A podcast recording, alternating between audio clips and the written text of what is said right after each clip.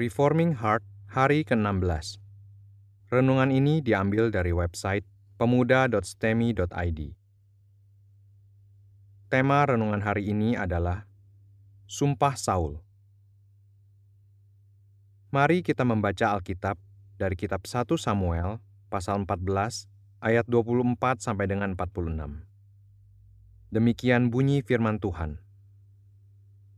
Yonatan dibebaskan dari kutuk. Ketika orang-orang Israel terdesak pada hari itu, Saul menyuruh rakyat mengucapkan kutuk.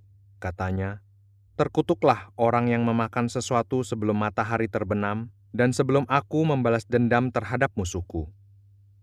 Sebab itu tidak ada seorang pun dari rakyat yang memakan sesuatu. Dan seluruh orang itu sampailah ke suatu hutan, dan di sana ada madu di tanah. Ketika rakyat sampai ke hutan itu, tampaklah ada di sana madu meleleh, tetapi tidak ada seorang pun yang mencedoknya ke mulutnya dengan tangan, sebab rakyat takut kepada sumpah itu. Tetapi Yonatan tidak mendengar bahwa ayahnya telah menyuruh rakyat bersumpah. Ia mengulurkan tongkat yang ada di tangannya dan mencelupkan ujungnya ke dalam sarang madu, kemudian ia mencedoknya ke mulutnya dengan tangan, lalu matanya menjadi terang lagi.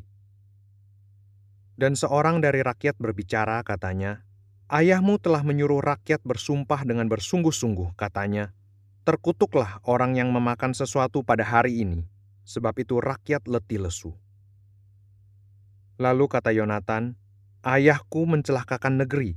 Coba lihat bagaimana terangnya mataku, sebab aku merasai sedikit dari madu ini.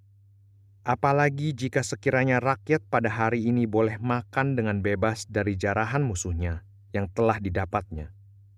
Tetapi sekarang tidaklah besar kekalahan di antara orang Filistin. Pada hari itu mereka memukul kalah orang Filistin dari Mikmas sampai ke Ayalon. Rakyat sudah sangat letih lesu. Sebab itu rakyat menyambar jarahan. Mereka mengambil kambing domba, lembu dan anak lembu, menyembelihnya begitu saja di atas tanah, dan memakannya dengan darahnya. Lalu diberitahukanlah kepada Saul demikian, Lihat, rakyat berdosa terhadap Tuhan dengan memakannya dengan darahnya. Dan ia berkata, Kamu berbuat khianat, gulingkanlah sekarang juga sebuah batu besar kemari. Kata Saul pula, Berserak-seraklah di antara rakyat dan katakanlah kepada mereka, Setiap orang harus membawa lembunya atau dombanya kepadaku, Sembelihlah itu di sini, maka kamu boleh memakannya. Tetapi janganlah berdosa terhadap Tuhan dengan memakannya dengan darahnya. Lalu setiap orang dari seluruh rakyat membawa serta pada malam itu lembunya, dan mereka menyembelihnya di sana. Saul mendirikan mesbah bagi Tuhan. Inilah mesbah yang mula-mula sekali didirikannya bagi Tuhan. Lagi kata Saul, Marilah kita pada malam ini mengejar orang Filistin dan menjarahi mereka sampai fajar menyingsing, dan janganlah kita biarkan hidup seorang pun dari mereka. Jawab mereka itu, perbuatlah apa yang kau pandang baik. Tetapi imam berkata, marilah kita dahulu tampil menghadap Allah di sini. Saul bertanya kepada Allah, bolehkah aku mengejar orang Filistin itu? Akan kau serahkankah mereka ke dalam tangan orang Israel? Tetapi pada hari itu ia tidak menjawab Saul. Lalu kata Saul, Datanglah kemari, kamu segala pemuka rakyat. Berusahalah mengetahui apa sebab dosa ini terjadi pada hari ini. Sebab demi Tuhan yang hidup, yang menyelamatkan orang Israel, sekalipun itu disebabkan oleh Yonatan anakku, maka ia pasti akan mati. Tetapi seorang pun dari seluruh rakyat tidak ada yang menjawabnya. Kemudian berkatalah ia kepada seluruh orang Israel, "Kamu berdiri di sebelah yang satu, dan aku serta anakku Yonatan akan berdiri di sebelah yang lain." Lalu jawab rakyat kepada Saul, "Perbuatlah apa yang kau pandang baik." Lalu berkatalah Saul, "Ya Tuhan Allah Israel, mengapa engkau tidak menjawab hambamu pada hari ini?" Jika kesalahan itu ada padaku atau pada anakku Yonatan, ya Tuhan, Allah Israel, tunjukkanlah kiranya Urim. Tetapi jika kesalahan itu ada pada umatmu Israel, tunjukkanlah Tumim. Lalu didapati Yonatan dan Saul, tetapi rakyat itu terluput. Kata Saul, "Buanglah undi antara aku dan anakku Yonatan." Lalu didapati Yonatan. Kata Saul kepada Yonatan, "Beritahukanlah kepadaku apa yang telah kau perbuat." Lalu Yonatan memberitahukan kepadanya, katanya, "Memang aku telah merasai sedikit madu dengan ujung tombak yang ada di tanganku." aku bersedia untuk mati. Kata Saul, beginilah kiranya Allah menghukum aku, bahkan lebih lagi daripada itu. Sesungguhnya, Yonatan, engkau harus mati. Tetapi rakyat berkata kepada Saul, Masakan Yonatan harus mati? Dia yang telah mendapat kemenangan yang besar ini di Israel. Jauhkanlah yang demikian. Demi Tuhan yang hidup, sehelai rambut pun dari kepalanya takkan jatuh ke bumi sebab dengan pertolongan Allah juga dilakukannya hal itu pada hari ini. Demikianlah rakyat membebaskan Yonatan sehingga ia tidak harus mati. Maka pulanglah Saul setelah mengejar orang Filistin dan orang Filistin itu pun kembali ke tempat kediamannya. Mari kita merenungkan. Ayat 24 sampai 46 memberikan gambaran mengenai kerohanian Saul melalui tindakan Saul di tengah-tengah pertempuran dengan orang Filistin. Saul memerintahkan seluruh Israel untuk berpuasa sampai dia membalas dendam terhadap musuhnya. Seluruh rakyat diminta mendukung dirinya. Saul tidak membela nama Tuhan ataupun keagungan nama Tuhan yang dinyatakan melalui umatnya. Dia hanya ingin musuh-musuhnya hancur di dalam peperangan. Saul mengatakan bahwa siapa yang makan dan minum sebelum matahari terbenam, terkutuklah dia. Kutuk yang hanya dua kali pernah muncul di dalam Perjanjian Lama. Yosua mengikat orang Israel dengan sumpah yang sama, di mana orang yang berani membangun kembali Yeriko akan terkutuk. Yosua melakukan hal ini untuk menunjukkan betapa besar kota itu sudah berdosa kepada Tuhan dan karena itu layak mendapatkan hukuman kehancuran seperti yang tercatat dalam kitab Yosua. Siapa yang berani membangun kembali kota itu akan berada dalam kutukan yang besar, karena dia sedang melawan Tuhan yang sudah menghancurkan Yeriko dengan membangun kembali kota itu. Begitu juga di dalam Hakim-Hakim pasal 21 ayat 18, ketika orang Israel bersumpah dengan menyatakan kutuk bagi orang-orang yang berelasi dengan suku Benyamin. Suku-suku lain tidak mau menjalin hubungan lagi dengan suku Benyamin karena kesalahan suku Benyamin yang sangat besar dengan membela kedurhakaan yang terjadi di tengah-tengahnya. Dari kedua kisah ini, sumpah yang diucapkan adalah untuk mengutuk pelanggaran yang sangat berat dan yang menghina kesucian Allah. Sumpah ini mendatangkan kutuk kalau dilanggar tetapi tidak mendatangkan berkat kalau ditaati. Ini berbeda dengan berkat dan kutuk yang Tuhan nyatakan dalam ulangan pasal 28. Sumpah kutuk ini mengikat orang ke dalam kutuk kalau mereka melanggar. Itulah sebabnya sumpah seperti ini hanya diucapkan untuk mencegah orang-orang melakukan perbuatan durhaka yang menghina kesucian Allah. Tetapi Saul meletakkan seluruh Israel ke dalam kutuk untuk mengharuskan mereka berpuasa. Apakah tidak berpuasa berarti pelanggaran berat seperti membangun kembali kota yang dihancurkan Allah atau menjalin relasi dengan kaum durhaka? Puasa adalah suatu tindakan yang diambil untuk memohon belas kasihan Allah. Puasa tidak dipaksakan tanpa adanya suatu perasaan duka cita. Bahkan orang-orang kafir di Niniwe pun tahu inti dari berpuasa adalah memohon kepada Allah dengan hati yang sangat berat. Mereka bahkan memerintahkan keharusan adanya pertobatan sejati bersamaan dengan puasa. Tetapi Saul membuat orang-orang Israel berada dalam kutuk. Bayangkan betapa kejamnya raja ini. Dia membebankan kutuk bagi orang-orang yang tidak mau berpuasa, sehingga semua berpuasa karena takut kutukan bukan karena hati yang berduka cita dan ingin memohon dengan sungguh-sungguh kepada Allah. Berpuasa di bawah ancaman, Ini seperti seorang laki-laki menodongkan pistol ke seorang perempuan dan memaksa perempuan itu untuk mengatakan, "Aku cinta kamu." Itu adalah omong kosong karena tidak dengan rela dikatakan. Puasa tidak mungkin menjadi bermakna bila dilakukan di bawah ancaman.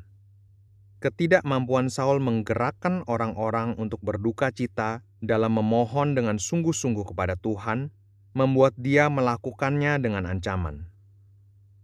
Dalam ayat 29 dinyatakan bahwa yang menyadari kesalahan besar Saul adalah anaknya sendiri, Yonatan.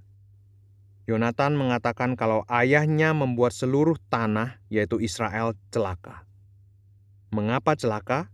Karena mereka sedang berpantang makan dengan motivasi takut terkena kutuk. Mereka berpuasa tanpa ada hasil kecuali menjadi lemas dan tidak bertenaga.